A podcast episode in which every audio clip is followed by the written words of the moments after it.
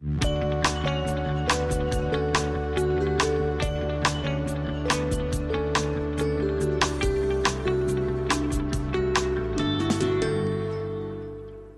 velkommen til podkasten Leger om livet. Mitt navn er Anette Dragland, og jeg er utdanna lege. Jeg har laga denne podkasten for å gjøre nyttig og god og viktig kunnskap lett tilgjengelig for alle. I dag så har jeg hun Katrin Glatz Brubakk med meg. Hun er barnepsykolog med spesialisering innen traumer. Hun jobber som universitetslektor ved NTNU og er en erfaren feltarbeider for Leger uten grenser. Denne episoden er gjort i samarbeid med Leger uten grenser, og det er jeg veldig stolt over. Hun Katrin hun er en av landets mest profilerte forkjempere for flyktningers rettigheter, og har sammen med Guro Kulseth Merekerås skrevet boka 'Moria på innsiden av Europas største flyktningleir'. Katrin har ved flere anledninger jobba på redningsskip i Middelhavet og i Moria-leiren i Hellas. I dag skal vi snakke om Moria og hvordan det er å være helsearbeider på et sted hvor mennesker har så store utfordringer som de har i Moria-leiren. Men vi skal også snakke om håp og resiliens, og hvordan vi kan hjelpe barna våre og oss selv bygge motstandsdyktighet i en verden som til tider kan være vanskelig å leve i. Og før vi går videre til episoden, så ønsker Leger uten grenser å dele ut et gratis handlenett hvor det står Er alle menneskeliv verdt å redde? Jeg er aldri i tvil. Det er i utgangspunktet en referanse og et standpunkt knytta til Leger uten grenser søk og redningsarbeid på Middelhavet. Og ved å bestille handlenettet, som er helt gratis, så støtter man deres utrolig viktige arbeid. Så før du går inn på episoden, trykk deg inn på legerutengrenser.no skråstrek leger om livet, så vil du få handlenettet gratis tilsendt i posten. Og med det så går vi over til episoden. Hjertelig velkommen til podkasten, Katrin. Tusen takk for at jeg får være her. Tusen takk for all den viktige jobben du gjør. Jeg er veldig takknemlig for at du tar deg tid og kommer hit fra Trondheim. Ja, det, det, er veldig fint å være her. Det er veldig fint uh, å få muligheten til å snakke om noen ting som jeg brenner så veldig for.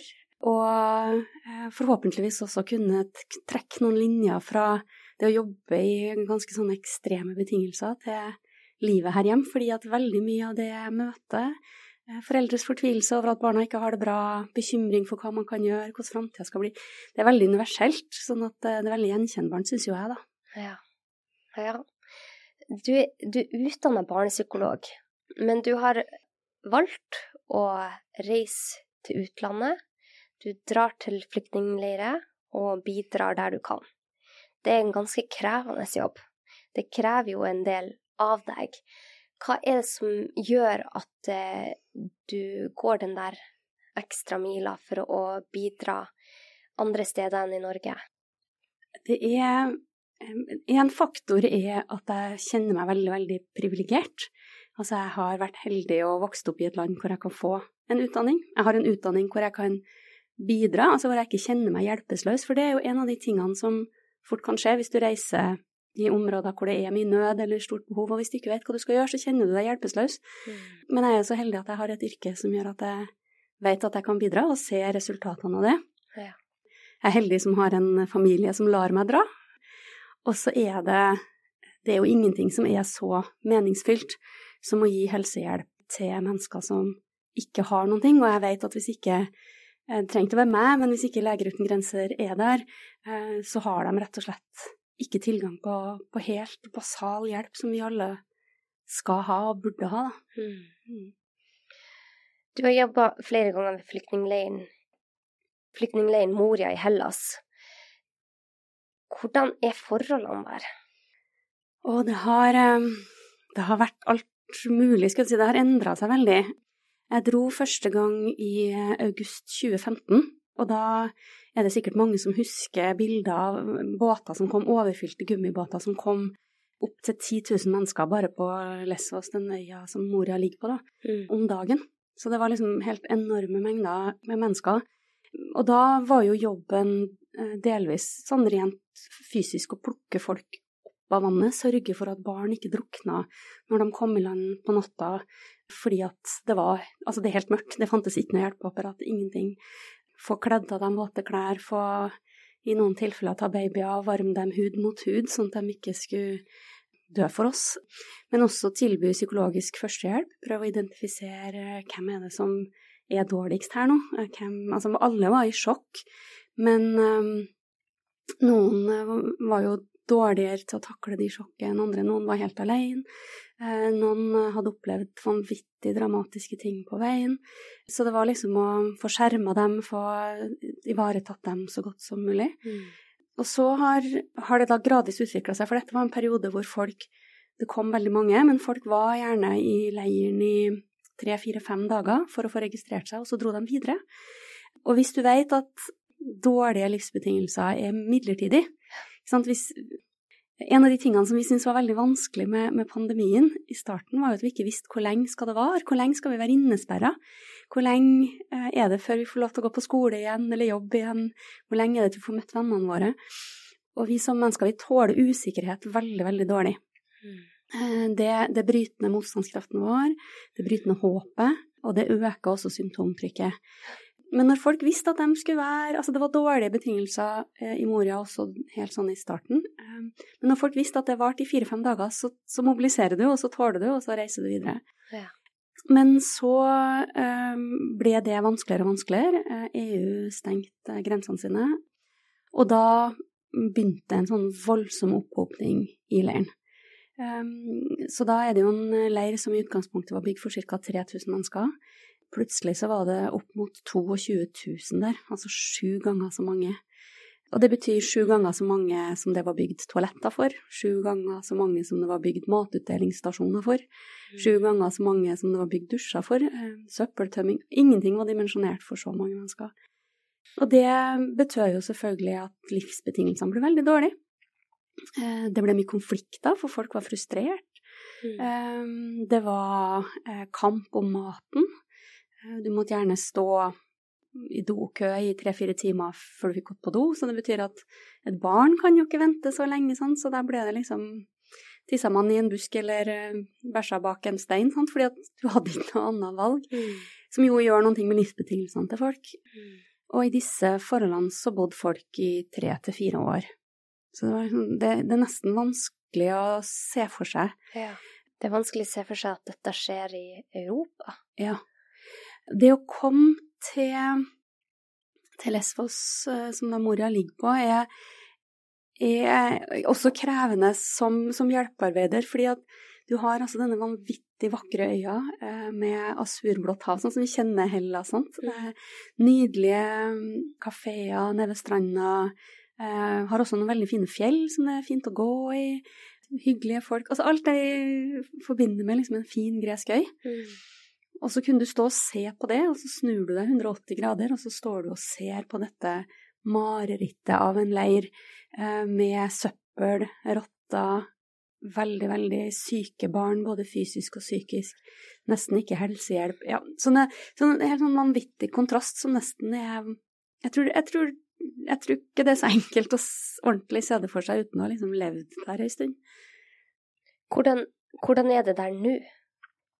Nå brant jo den gamle Moria-leiren for uh, knappe tre år siden.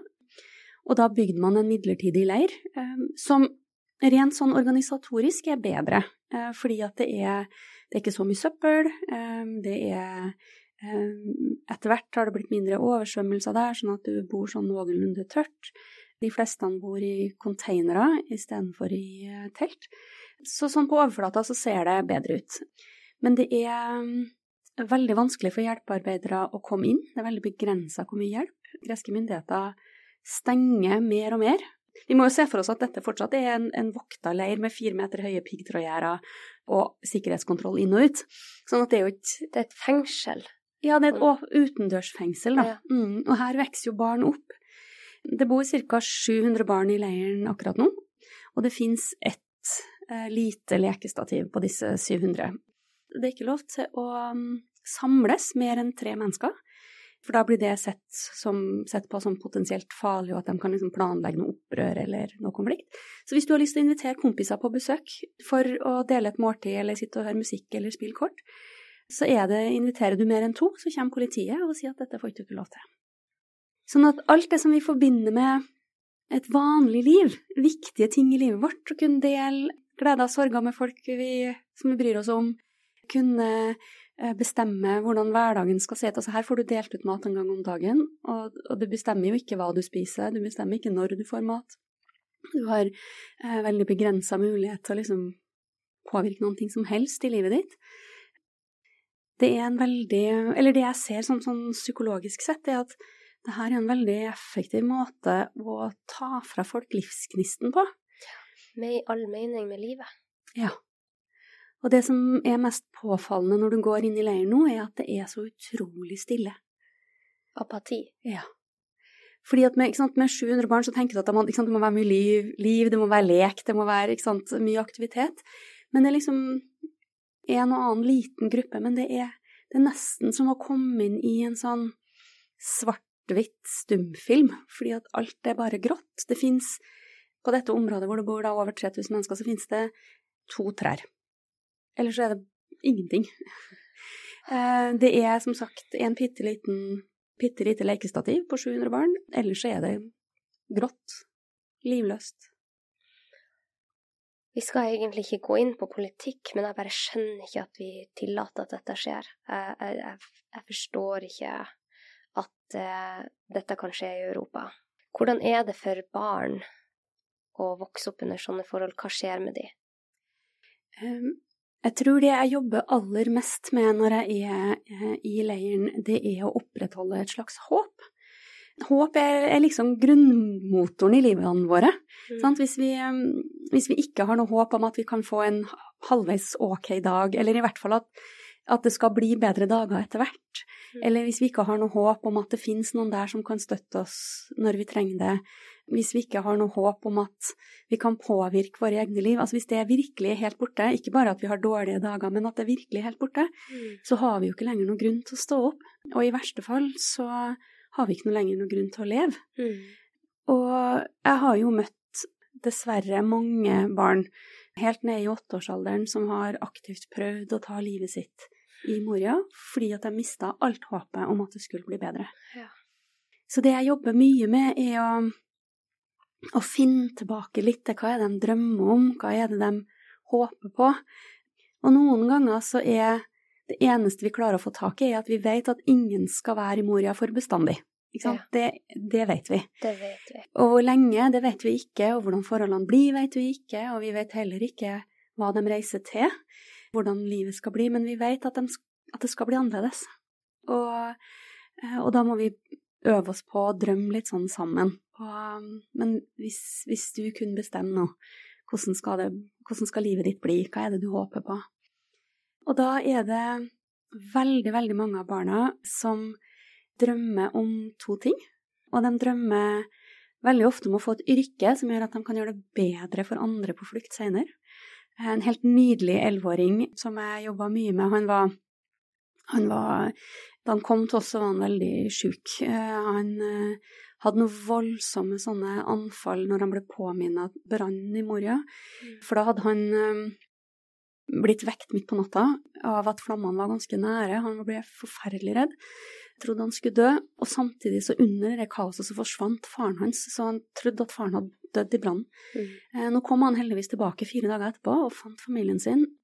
Men, men dette plaga han noe voldsomt. Så han hadde noen sånne voldsomme anfall med såkalte flashbacks, hvor han liksom ble minnet på hendelsene under brannen, men også kunne ha noe voldsom utagering og slå og spark og sånn når han ble redd. Men vi fikk eh, jobba med det, vi fikk hjulpen til å liksom skjønne hva han ble redd for, og hjelpe med strategier for det. Og så når vi begynner å liksom drømme litt om hvordan framtida skal bli, da, så, så sier han at jeg skal bli ingeniør. Han var veldig flink med hendene, han her.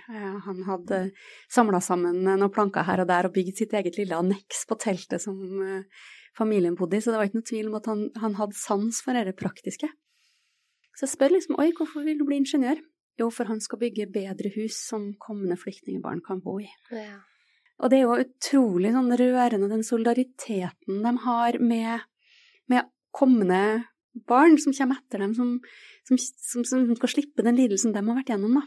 De drømmer ofte om å bli leger for å kunne hjelpe, bli lærere for å kunne hjelpe barn til å gå på skole igjen, som de ikke har hatt sjøl. Sånn at de, det er en voldsom sånn solidaritet der.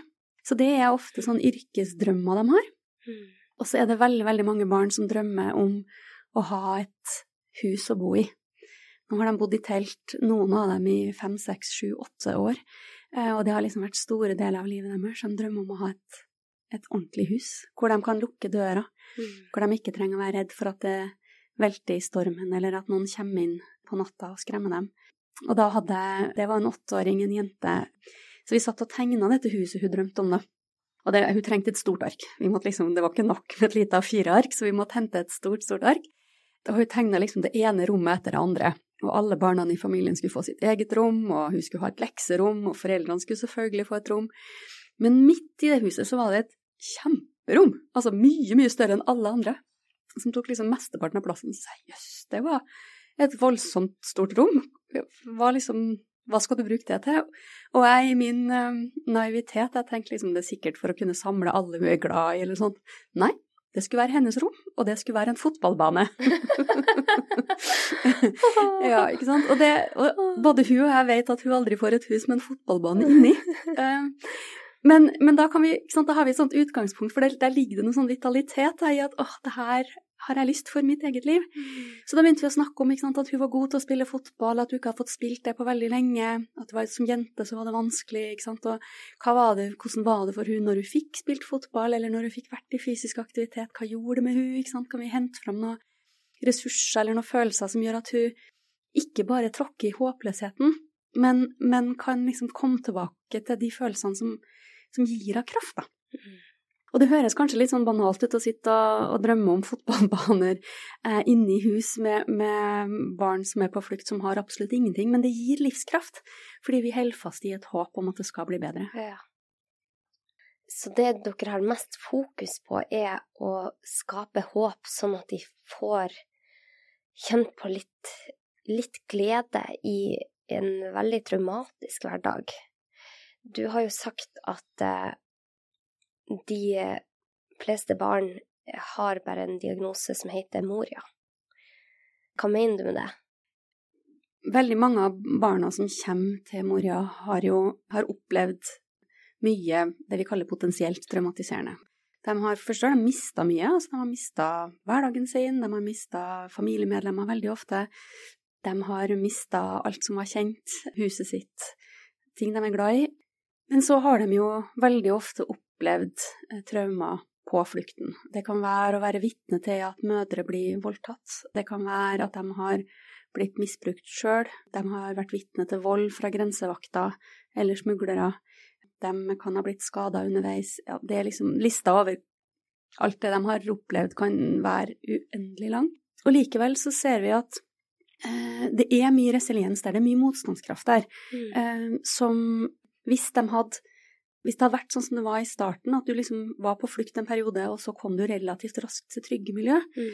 så klarer du å beholde mye av den motstandskraften eh, som gjør at du Det betyr ikke at du er plagefri, men, men, men eh, symptomtrykket er lavere, og du plages ikke så lenge.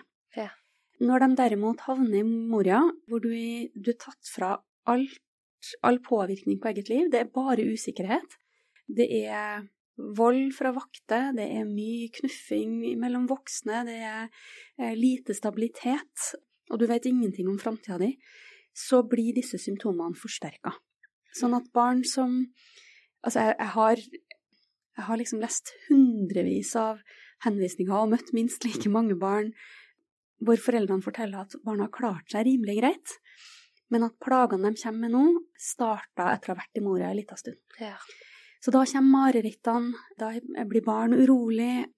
Jeg har sett eh, treåringer bite seg sjøl til blods fordi det er så mye indre uro at de vet ikke hvor de skal gjøre det. Mm. Det er store unger, 15-16-17-åringer, som begynner å tisse seg ut om natta fordi at de eh, ikke lenger har liksom kontroll, eh, og fordi de drømmer eller har mye mareritt i drømmene. Det er ja, barn som ikke lenger vil delta i leik, som isolerer seg helt. I helt sånne ekstreme tilfeller så, så har vi vært borti um, et fenomen som heter resignation syndrome, som er altså barn som trekker seg helt inn i seg sjøl. Så de, de, slutter å snakke. De um, må enten fôres med babymat eller i verste fall intravenøst. De, noen av dem åpner ikke øynene i det hele tatt, responderer ikke når vi snakker til dem, blir bare helt, helt apatisk.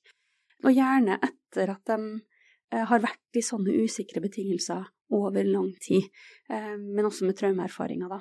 Og da er det som om kroppen litt sånn bare lås, eller slår seg av, fordi at man har ikke kapasitet til å tåle noe mer. Mm. Dette hadde ikke, hadde de ikke bodd i Moria bodd i den usikkerheten, så ville de ikke blitt så syke. Og det er jo det som gjør det frustrerende å jobbe i en sånn kontekst. Altså det er utrolig tilfredsstillende å kunne hjelpe sånne barn tilbake til livet. Puste litt sånn håp og vitalitet i dem. Se Det er helt ubetalelig når du møter en, en femåring som ikke har snakka og lekt og smilt på tre år, og så får du det første smilet fordi at du liksom klarer å få den litt sånn tilbake i livet. Det, det, det er ingenting som er så bra som det. Det som er det triste bakteppet, er jo nettopp det at de skulle ha sluppet å vært så syke i utgangspunktet. Ja. Mm. Det er forholdene som skapte. Ja. Det er det som er diagnosemoria. Du skrev ganske sterkt i boka deres Moria et sitat som jeg ønsker å dele, fordi at eh, dere har fokus på håp. Vi skal gå litt mer inn på hvordan psykologisk behandling dere gir, og vi skal også gå videre på hvordan vi kan hjelpe også de som er nær oss. Um, men i boka så skrev du et sitat som jeg bare tenkte det var fint å dele. Håp er en motor i livet. Vi trenger opplevelser av mestring, vi trenger omsorg, og vi trenger glede og engasjement. Men ingenting av dette er mulig uten håpet. Det er håpet om at det finnes lysglimt, eller at omstendighetene en dag skal bli bedre, som gjør at vi orker å ta fatt på en ny dag når livet er vanskelig. Synkende håp vil gjøre at apatien sakte tar overhånd. Håp er derfor en viktig faktor i vår psykologiske motstandskraft. Håp om endring er energikilden til handlingskraft og pågangsmot. Denne energien trenger vi for å bryte uheldige vaner, forlate en situasjon som ikke er bra for oss, eller gå løs på en krevende oppgave som vi er usikre på om vi mestrer. Nettopp derfor er håpet også det beste botmiddelet mot apati og motløshet. Hvordan gir man håp til noen som står i sånne situasjoner som du beskriver? Ja, det er, det er å prøve å nesten å skru tida litt sånn tilbake. Hva er det hva har du drømt om før? Jeg, altså, det er noen ting med å akseptere at hvis noen sier at jeg har ikke noe håp lenger, så må vi jo bare validere det og, og si at ja, men sånn er det for deg akkurat nå, og det er fryktelig trist. Men jeg har fortsatt håp. Kan jeg få lov til å bære håpet litt? Være liksom, ja, bære håpet litt for deg en stund. Mm. For jeg er her, jeg bryr meg om det, og jeg vil hjelpe deg så godt jeg kan. Mm. Så det er jo det første vi må gjøre, å vise at vi er helt at det er tilgjengelig og at selv om den andre kjenner seg helt håpløs, så er det det er fortsatt håp i verden, da, og jeg kan Eller den som møter den håpløse, kan være den som kan bære det et øyeblikk. Og så handler det litt om å skru tida litt tilbake, sånn at man ikke drukner i det helt svarte akkurat nå. Hva, hva har du drømt om før? Hva har vært målet ditt? Hva har du fått til? Vi har alle fått til noe, ikke sant? Og det er jo en av de tingene som veldig ofte blir borte borte når man blir flyktning. Fordi at det er ingen som spør om det lenger. Man kan toppen spørre hvilket land er du fra, mm. men eh, hva var du god i? Hva fikk du til? Hvem var du i vennegjengen? Var det han som liksom alltid var kul og morsom, eller var det han som liksom var litt sånn forsiktig og mer observert, sant, men som kunne komme med en veldig sånn klok kommentar i ny og ne? Mm. Var det du som inviterte på fester? Var det du som lagde den beste desserten? Altså alle de tingene som jo er viktige ting for oss, og som mm. gir arenaer for opplevelsen både av mestring, men også av samhold. Mm. Det er viktig å spørre om. Fordi at nettopp når vi har det som mørkest, enten, i, enten her hjemme eller i en flyktningkontekst, så, så, blir det borte for oss. Vi glemmer det. Og hvis ikke vi som er rundt da husker å spørre om det, så, så blir, det, blir, det, ikke noe kilde til noe kraft framover heller. Mm. Tenk at mange av de som har vært der det, det, er så lett å, å, bare skille mellom de og oss. Mm. Ja, de er der, men jeg er her med mine problemer. Ikke sant? Og det er jo sant, det, man har jo Alle har vi jo problemer, men når du beskriver det sånn, så føles det så nært, ikke sant? For de har håp og drømmer sånn som oss. De har vært den kule i vennegjengen, eller den som var morsom, eller den som elsker å lage kake etter middag, liksom. Det er lett å bare se bilder av noe som virker veldig fjernt for oss, men du får liksom kjenne det under huden. Disse menneskene som er der, de, de opplever jo ganske store traumer. Og vi vet at man kan få et godt liv til tross for de traumene man har opplevd.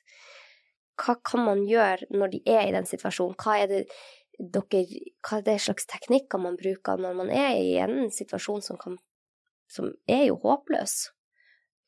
Hva gjør dere konkret for å hjelpe? En av de tingene som er viktig, er å gi tilbake det vi kaller litt sånn sjølagens, eller altså opplevelsen av å kunne påvirke eget liv. Mm. Fordi at når du er Enten du er i en flyktningleir, sånn som Moria, eller du, er, du har satt deg på en båt over Middelhavet, og du ikke aner om du blir plukka opp, eller hva som skjer etter at du har blitt plukka opp, så har du liksom ikke noe handlingsrom. Og det er jo en av de tingene som også er viktig for, for god psykisk helse, er jo at du kan føle at det, jeg kan i hvert fall gjøre noe.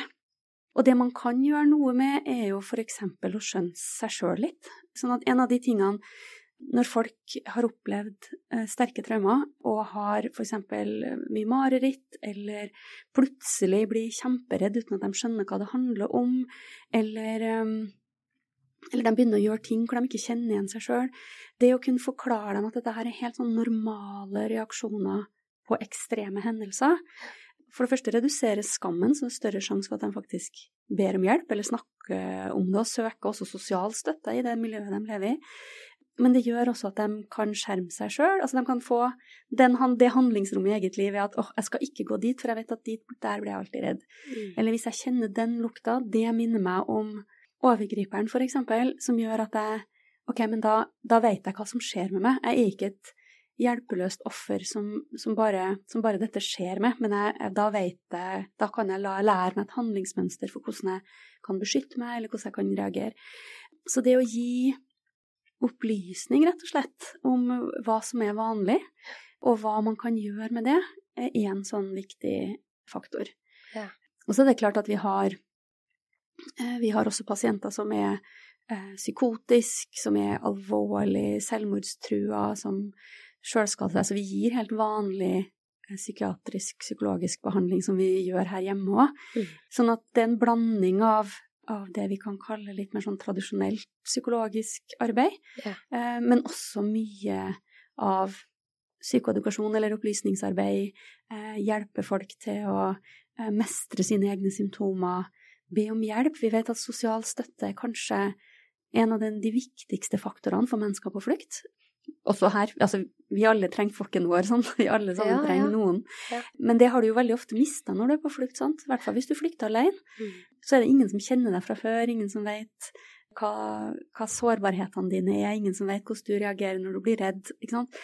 Sånn at man blir veldig ofte alene i, i det man sliter med. Sånn at det å etablere grupper hvor man kan dele, normalisere responser, men også sørge for at det finnes noen som er der når du ikke tør å gå på do om natta, eksempel. Mm. Um, og noen damer jeg møtte på en av mine siste turer nå som um, Så det er åtte damer som helt tilfeldig De har alle vært alle på flukt alene, og helt tilfeldig havna i samme container. Um. Og uh, om natta så er det skummelt å gå på do, for det er mørkt, uh, og det er lite lys. Og dessverre, dessverre så skjer det overgrep. Så da har de laget seg disse fire damene som altså ikke kjente hverandre fra før, og som også kommer fra forskjellige land. Eh, har laget seg sin egen sånn vaktordning om hvem er det som liksom står opp sammen med hvem når man må på do om natta, sånn at man kjenner seg trygg og aldri går alene. Ja. Og det er klart at det gir, det gir, litt mer styrke til å tåle den hverdagen, fordi at du mm. har noen som er der og, og passer på deg eller hjelper deg. Mm. Så vi har også mye gruppearbeid, eller lager grupper hvor vi snakker om vanlige symptomer, snakker om hvordan de kan støtte hverandre, gir forklaringer på hvorfor folk reagerer sånn eller slik. Ja. Så det, det, vi bygger opp litt sånn nettverk som, som, blir borte når du er på flukt, men som vi sjøl bruker her hjemme. Og vi vet jo at relasjonene er så utrolig viktige for ikke bare vår mentale helse, men for vår fysiske helse. Derfor blir jeg helt, jeg synes det bare helt hårreisende at man ikke har lov til å invitere flere enn tre i samme Altså, det hadde vært så bra for de menneskene som er der. Mm. Men hvordan er det når du kommer hjem til Norge, og du behandler folk på et kontor i Norge? Det er jo kontraster for hvordan de lever, men det er jo mange barn som sliter i Norge òg. Vi vet jo at depresjon og angst går opp. Vi vet at eh, mange, mange barn sliter. Og flere bruker antidepressiva i tidligere aldre. Og hvordan føler du den kontrasten er? Blir det vanskelig å komme hjem når du har sett det du ser der nede? Litt sånn både og. Altså, folks smerte er folks smerte, helt uavhengig av hvor de er. Og, og når man møter, møter, den smerten, så, det, så spiller det ingen rolle om jeg sitter i en flyktning eller om jeg sitter på et kontor i Trondheim. For den er reell for den enkelte jeg møter. Og ja, det er ikke noe vanskelig å ta imot det, på sett og vis. Jeg hadde en erfaring ja, jeg hadde en erfaring eh, etter en av de første turene jeg var på, hvor, hvor, det aller siste jeg hadde gjort, rett før jeg satte meg på flyet Jeg for altså rett fra stranda til flyplassen, og da Dette var midt på natta, vi gått nattevakt og speida etter båter. Og vi tok imot en båt som kantra idet den kom, sånn at vi virkelig kava etter å finne mennesker i det der svarte vannet. og vi klarte heldigvis å berge alle, men den båten som kom ved siden av der, drukna det en ett og et halvt åring. Så det var liksom en sånn kamp på liv og død. Og så kom jeg hjem og hadde liksom dette her i kroppen. Og den første timen jeg hadde med en pasient morgenen etter, hun, hun hadde hennes strev var reelt, og hun, det var ikke noe tvil om at hun var fortvila, men hun brukte mesteparten av akkurat den timen til å snakke om hvor dum hun syntes lærerne sine var. Yeah. og, og, for meg var det litt sånn vanskelig å være empatisk nok der og da, fordi at, fordi at den eh, ekstreme opplevelsen satt i kroppen på meg ennå. Yeah. Men så har jeg blitt litt klokere med årene nå, sånn at når jeg vet at jeg har disse overgangene, så, så, er det ikke sikkert at det er den pasienten jeg skal ha første timen. Da er det kanskje en traumepasient fra Syria eller noe som, noe, som, lager litt sånne overganger, da. Ja, ja. Um, men, men, um, men, menneskelig smerte er menneskelig smerte. Helt uavhengig, og det skal man ta på alvor. Ja, så er det jo litt sånn Jeg, jeg ser på disse tallene, og jeg ser at det er så mange som sliter, ikke sant, og da tenker jeg at uh, Hva er det som har skjedd? Hva, hva er det som har gjort det? Uh, når mennesker kan leve under sånne vanvittige forhold som i Moria, og faktisk, mange av de klarer seg. De har bygd opp en motstandsdyktighet som er helt vanvittig, at det, at det går an. Å klare å lage seg et nytt liv i et nytt land med barna sine. Altså, det er så beundringsverdig, ikke sant? Og så ser vi at det er så mange som sliter i et land som har så mye, ikke sant, utad. Men så er det så mange som føler seg ensomme, det er så mange som sliter med angst og depresjon og har det vondt i livet. Og jeg tror nesten alle kan har en venn eller familiemedlem som sliter nå. Mm. Hva er det som har skjedd med vår motstandsdyktighet, for vi er jo egentlig robuste mennesker. Hva, hva som har skjedd på veien her? Ja, jeg vet ikke om, eh, om jeg har alle svarene på det. Jeg tror det er en salig blanding av samfunnsutvikling og krav og konstant tilgjengelighet for både tommel opp og tommel ned ja. i alle mulige sammenhenger. Men også tror jeg at vi som foreldregenerasjon nok køler mer enn vi strengt tatt må. Og jeg, jeg er definitivt i den kategorien. og, og, tar meg sjøl stadig vekk i det, at jeg, at jeg, hjelper barna mine mye mer enn jeg må. Mm. Um, eller mye mer enn de kanskje har godt av. Selv om mine barn er 22 og 24, så, så hvis de ringer og sier 'Å, mamma, jeg har glemt noe', så sier jeg 'Men jeg kan komme og, komme og levere det så. Ja, ja. Mens egentlig så er det sånn 'Å, du har glemt noen ting, ja'. Ja, nei, men det ligger noe her, du må bare komme. Ikke sant, det er en busstur unna. Mm. og det høres jo ikke som ikke sant, det er, en, det er en liten ting, men vi har gjort det hele veien, sånn at våre barn blir nok generelt mindre trent på å løse problemer og stå i ubehag. Og, og det Altså, følelser er jo litt som med kondis, sant. Det er en øvelsessak. Sånn at jo mer vi øver oss på å ha et problem og finne ut av hvordan løser vi det, og faktisk få det til, eh, jo bedre blir vi til å løse problemer og stå i ubehag og finne, finne ut hvordan vi skal håndtere det. Mm. Det problemet har jo definitivt ikke barna og ungdommene som er på flukt, eh, Mm. for de blir jo igjen utfordra for mye. Men, men, det skaper også en mulighet for, for noen opplevelser av mestring, da. Mm. Oppi alt det derre At det høres veldig sånn rart ut at du, at du liksom er en mestrende flyktning, men, men, det ligger noe i det at du Det å finne ut av hvor du skal reise, og hvem du skal spørre om hjelp, og kjenne på den der trua på at men jeg, jeg kan få til det her, selv om jeg, jeg begir meg ut på noe som er skummelt og farlig. Mm. Og det, det er det at vi har At vi som foreldre køler mer for barna våre enn vi, vi kanskje ble køla for, eller i hvert fall generasjonen før der igjen. Mm. Det er ikke den eneste forklaringa, men, men, jeg tror vi har Jeg er veldig glad da, for at jeg har en mann som innimellom pikker meg på skuldra og sier at du, det er ikke nødvendig. Ja. du trenger ikke å liksom De trenger å være i ubehaget av og til. Ja. For man har så lyst ikke sant, å hjelpe til der man kan, og med sine egne barn særlig, så er det jo ofte noe man kan være hands on og bidra med. Mm, det er bare god vilje som ligger bak. Og husk å ta på deg hansker før du går, for du må for guds skyld ikke fryse selv om det er ti grader. Og vi er redd for at noen andre skal ha det vondt da, vi, for vi har våre behov dekt. Og da har vi jo så mye kjærlighet ikke sant, å gi. Og jeg kjenner jo i hvert fall jeg, jeg er jo en følelsesperson, og hvis jeg ser noen lide, så skaper jo det et utrolig ubehag inni meg. Man har lyst til å løse opp andre sine problemer så fort det lar seg gjøre. Eh, men det du sier, er at man må også huske på at vi skal bygge opp robuste små mennesker, og da trenger de å øve seg også på å bli motstandsdyktig. Det betyr ikke at man skal drive og kaste etter de motstanden. Men, Nei, den kommer helt av seg sjøl. Livet er jo et uh, kinkig prosjekt for oss alle, sant. Ja. Uh, men, men, det er det å kjenne at åh, dette her var litt vanskelig og litt skummelt og litt ubehagelig, men finne en løsning eller mestre og kjenne at det går over, er jo en viktig erfaring for å tåle eh, neste motstand som livet bare gir, uten at vi trenger å påføre det på noen. Mm. Men så er vi redd for at det skal bli for mye motstand. Ikke? Når vet man om man skal gripe inn eller ikke? ikke sant? Det, er, det kan være mobbing, det kan være ting utenforskap, det kan være Det, det, det er jo vondt å, å vokse opp. Hvordan ser du som barnepsykolog på det?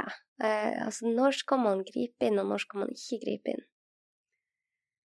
Det er jo ikke noe absolutt svar på det. Og barn er ulike òg, sant. Noen barn er mer robust i seg sjøl, og noen er det ikke. Så det å holde den, den dialogen med barna sine jevnt og trutt på liksom hvordan, hvordan er ståa nå, men også ta et skritt tilbake innimellom og tenke at når impulsen på å gripe inn er der, så i hvert fall tenk en runde. Er det nå jeg skal gripe inn, eller er det nå jeg skal trekke pusten og vente og se hva som skjer?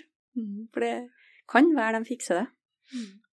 På kontoret, da, bruker du mange av de samme teknikkene, sånn som jeg leste at du bruker livets tre, du bruker drømmer. Bruker du de samme metodene i Moria som du gjør her i Norge, eller er det forskjellig? Det å ha jobba i felt, ikke bare i Moria, men, men mange steder, har nok for meg ført til at jeg har gått veldig tilbake til basics av psykologien. Jeg er blitt mindre metodestyrt og mer relasjonelt styrt og prøve å finne ut av hva er det akkurat du trenger. Hva er det akkurat Hva er det som gjør at akkurat du har havna der du er? Hva er, det, hva er det som kan hjelpe deg? Og det betyr at noen ganger bruker jeg de samme metodene som jeg bruker i Moria, og noen ganger må jeg finne på noe annet. Mm. Eh, og det betyr jo ikke at metoder ikke er brukbare, men det er ikke metodene som styrer meg. Mm. Det er relasjonene og følelsesreguleringa som som styrer de valgene jeg tar for hva jeg gjør når jeg møter et annet menneske. Og det er jo det vi mennesker trenger. Vi trenger å bli sett. Ikke som et individ som har den diagnosen og da skal bli behandla på den måten. Men man har jo behov for å bli sett av noen andre. Så det Og det er jo det er jo derfor det er så mye likhetspunkter med mennesker som er på flukt òg, fordi at de har vært så usynlige så utrolig lenge. De blir behandla eh, som et nummer i rekka, både av menneskesmuglere eller i leirer de har bodd i, eller når de eh, kommer fram til et land, så er man liksom bare flyktning nummer sånn og sånn. Ja. Sånn at og, og, opplevelsen av å være liksom, Enten du er sperra inne eh, i en leir i Moria eller andre leirer, eller du opplever å bli dytta tilbake på havet når du egentlig er kommet i europeisk farvann og har krav på å kunne søke om asyl. Den der intense følelsen av at ingen vil ha meg, ingen liker meg, ingen bryr seg om meg, jeg er helt uviktig, det er en ting vi må jobbe mye med å reetablere når vi møter mennesker på flukt. Og jeg vet ikke hvor, hvor utrolig mange ganger jeg har hørt at vet da, når jeg møtte deg, så er det første smilet jeg har sett for noen på årevis, for de har bare møtt mennesker som har brukt dem eller misbrukt dem. Sånn at hvis man skal koke det ned til liksom hva det virkelig handler om, så er det jo det universelle. Å bli sett, å bli validert, og få opplevelsen av at man er viktig som enkeltmenneske, da. Ja. Kjærlighet, rett og slett. Mm. Og det er jo en av de tingene som, som jo Leger uten grenser prøver å sette på dagsordenen, er jo nettopp Er alle mennesker verdt den kjærligheten eller det, den solidariteten? For det vi, det vi jo ser, er jo at avhengig av hvor du kommer fra, så blir du behandla ulikt. Og og det merker også de menneskene som jeg møter i Moria. Sånn at etter at krigen brøt ut i, i, Ukraina, ikke lenge etterpå så var jeg en tur i Moria. Og da er det et tema som alle tar opp, er hvorfor blir vi behandla så dårlig når det er plass til menneskene fra Ukraina? Og det er ikke noe galt med det. Altså det, fine, det fine er jo at vi har vist hvordan vi kan behandle mennesker på flukt, ved å ta imot, ved å integrere dem kjapt, ved å gi dem skolegang, et sted å bo, ikke sant. Altså, det er det som, som, som, både gir verdighet, men også størst sjanse for å lykkes i å integrere, og min, minst psykiske helseplager, ved å gi dem den behandlinga som vi har gitt ukrainske flyktninger. Så det er jo gullstandarden. Det er jo helt fantastisk at vi har fått det til. Mm. Men når man da sitter i andre enden på en båt på Middelhavet, eller i en leir hvor man ikke kommer seg ut, og som ligner mer et fengsel enn noe annet, så blir jo den der følelsen av å ikke være verdig som menneske, eller ikke eh, være ønska, og at man helst skulle liksom fjernes fra jordas overflate, bli intens. Og derfor har jo Leger uten grenser gjør jo en utrolig viktig jobb. Og dere er der ute og bidrar. Men altså, hver eneste hånd, hjelp, hver krone, har stor betydning. Og Leger uten grenser har laga et handlenett der det står på det, det er veldig fint, det står 'Er alle menneskeliv verdt å redde?' Jeg er aldri i tvil, står det på handlenettet. Og det kan man bestille, og man kan få det gratis levert i posten. Og ved å gå med det nettet, så tar man et standpunkt om at alle menneskeliv er verdt å redde, og alle menneskeliv er like mye verdt. Så hvis man vil, så kan man eh, bare trykke på eh, linken i episodeinfo, eller gå inn på legerutenGrenser.no, skråstrek leger om livet. Og jeg tenker at dette er en liten ting vi kan gjøre som kan ha stor betydning. Ja, fordi at dette handler jo ikke om hvor mange som skal komme, eller hvordan vi skal utforme politikken i forhold til internasjonalt samarbeid og hvordan asylpolitikken skal føres, men det handler om skal vi beholde en sånn grunnleggende medmenneskelighet og så må vi ha et system for at dem som søker asyl og som ikke har rett på det, blir returnert, og at det, at det, er ryddige prosesser der. Men ved å vise at man tar et standpunkt til at jeg syns at alle mennesker skal bli behandla som akkurat det, mm. som mennesker, det er et viktig signal for at vi ikke skal snu oss bort og, og glemme å akseptere at det, i dag så er det noen som reddes, og noen som ikke gjør det. Så trykk på den linken og bestill det handlenettet. Det, det gjør en forskjell. Katrin, jeg er utrolig glad for at du tok deg tid til å komme hit i dag. Har du noe annet du ønsker å dele? Jeg er veldig glad for å være her. Jeg er veldig glad for at eh, jeg får muligheten til å snakke om det som opptar meg veldig. Og noen ganger så kan man jo bli litt sånn overvelda og tenke hva kan lille jeg gjøre, hva kan jeg bidra med? Og så er vi alle sammen bare én og én person, sant? og vi kan alle bare gjøre det én person kan gjøre. Mm. Eh, men enten det å bære det handlenettet og vise at man bryr seg, eller det er å gi et smil til en som ikke har sett et smil på veldig lenge, mm. eller det å sørge for at uh, den gutten i barnehagen som uh, kanskje ikke snakker så mye norsk ennå, men som opplagt trenger sitt nettverk, også blir invitert i barnebursdagen. Mm. Det er små ting som vi alle sammen kan velge å gjøre, men som utgjør en enorm forskjell. Ja. Tusen takk for at du tok deg tid, Katrin, og takk til Leger uten grenser, som gjør en så utrolig viktig jobb. Dere kan finne mer ut på linken som er under i episodeinfo. Og hvis dere har noen spørsmål eller noen tilbakemeldinger på dagens episode, så kan dere skrive under i, på Instagram eller Facebook under videoen. Så vil vi svare alle der. Og ja, med det så sier vi takk for i dag. Ta vare på de du er glad i, og bidra der du kan. Takk til deg, Katrin. Tusen, tusen takk. Ha det godt.